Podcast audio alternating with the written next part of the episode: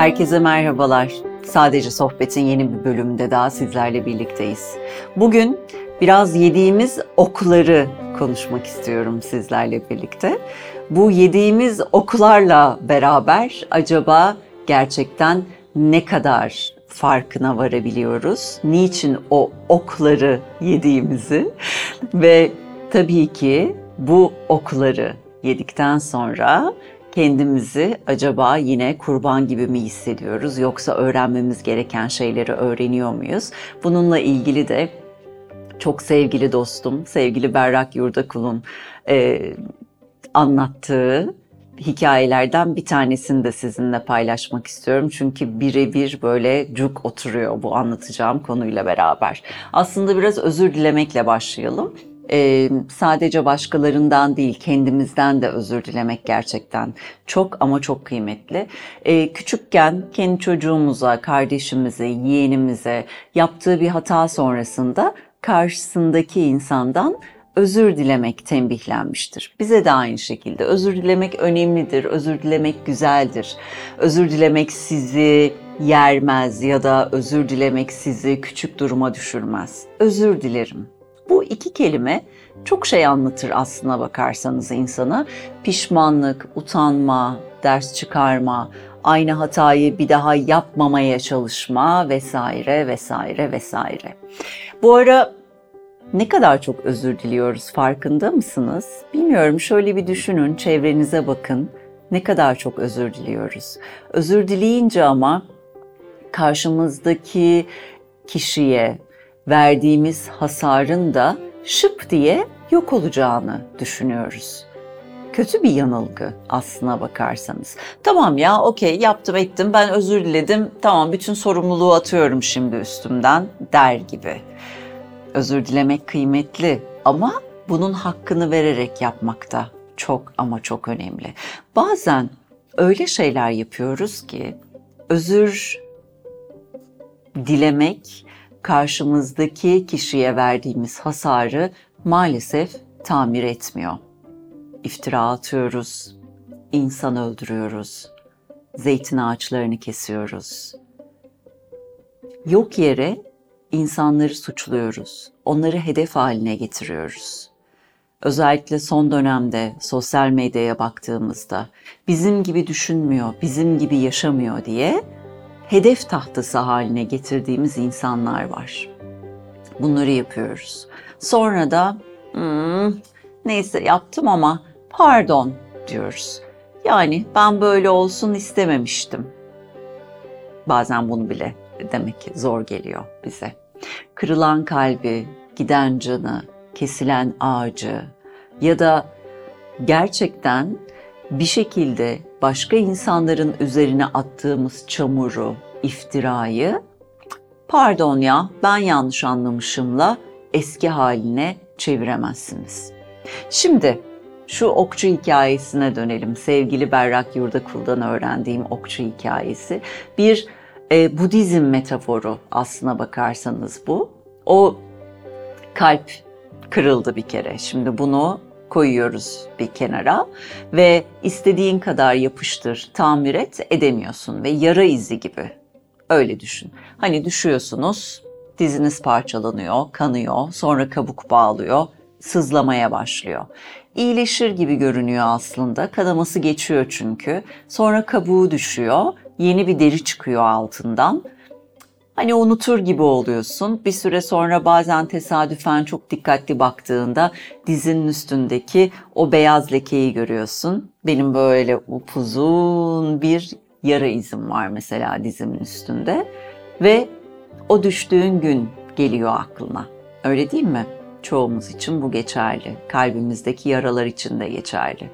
Dizinin ne kadar çok acıdığı, nasıl kanadığı, içinin nasıl sızladığı ve o günü aslında bu yarayı hatırladıkça, bu yarayı gördükçe tekrar ve tekrar yaşamaya başlıyorsun. Yıllar geçse de bunu yaşıyorsun.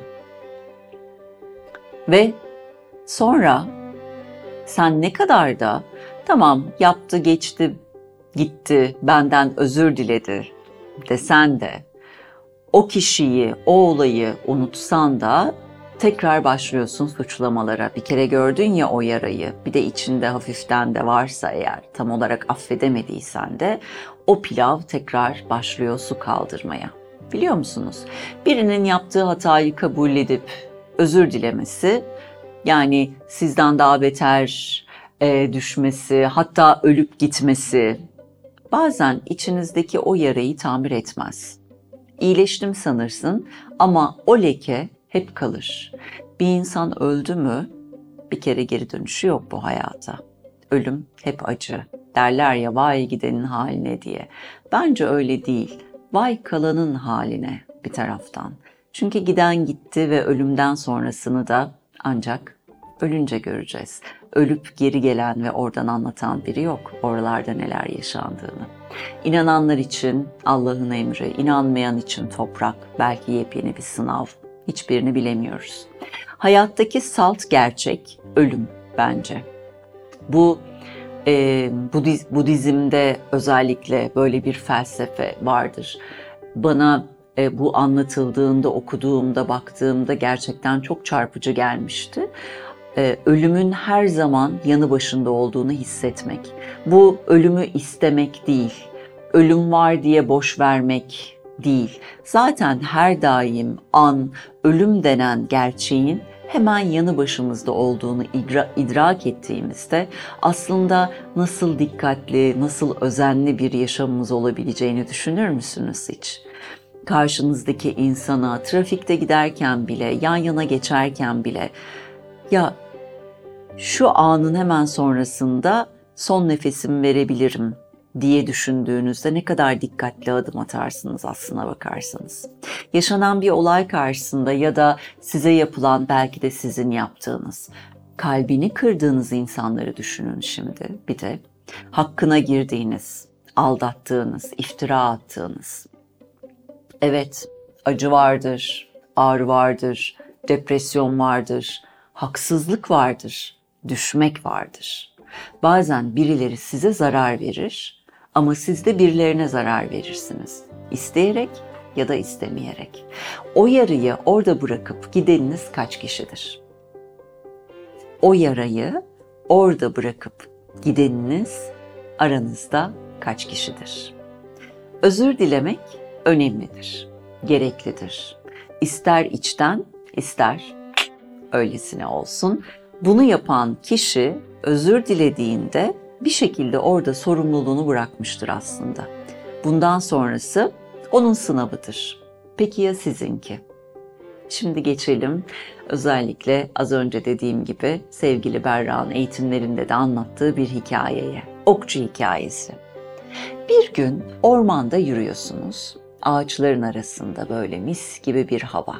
Şimdi bir taraftan da gözünüzü kapatın ve bu görüntüleri getirmeye çalışın gözünüzün önüne. Birden bu ormanın içerisinde bir avcı saklandığı yerden sizi gözetlemeye başlıyor.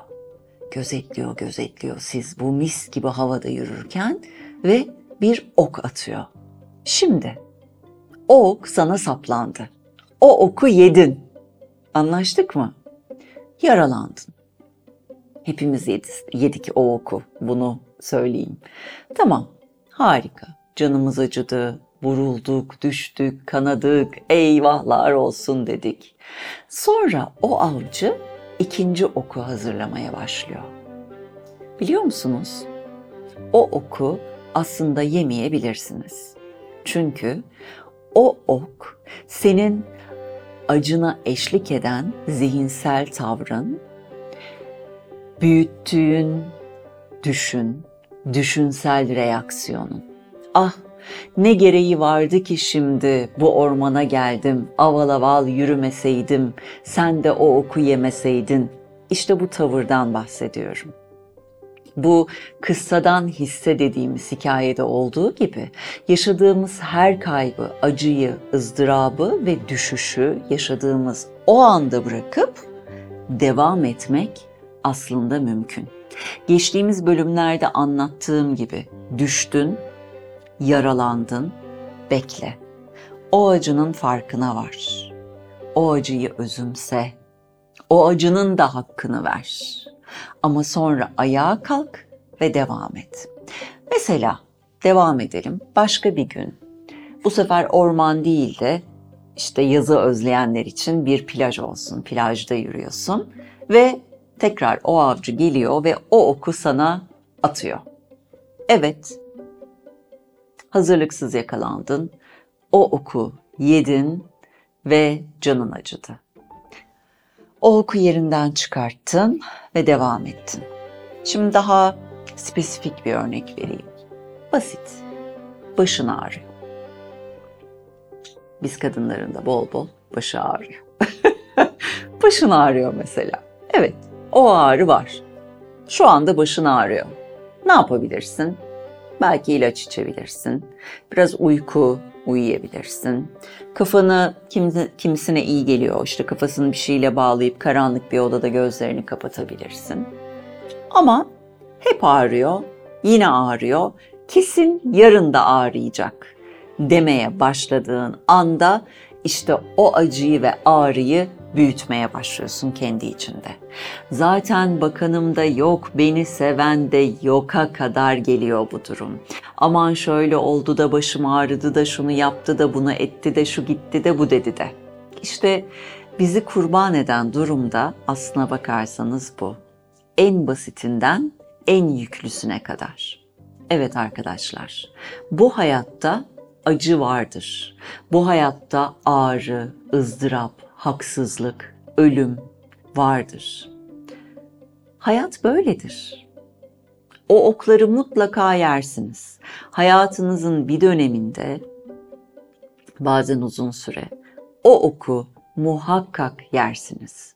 Yedik, yiyeceğiz de. Yemeye devam da edeceğiz. Ama bu metaforda olduğu gibi o ikinci oku yemek sizin elinizdedir. Sizin tercihinizdir. Eğer ki siz bir ömür boyu bu vurulmaların kurbanı olmaktan keyif alıyorsanız, besleniyorsanız, işte evet bu sizin seçiminizdir ama size biri drama queen dediğinde de, dramalardan beslenen biri olduğunuzu söylediğinde de bunu oturun bir düşünün. Tabii ki drama queen diyoruz ama bir de drama kingler var. Erkeklerimiz de var bu konuda. Onları da unutmayalım. Hani kral ve kraliçe işin içine girince bir de onların tebaları var çevresinde. Of of.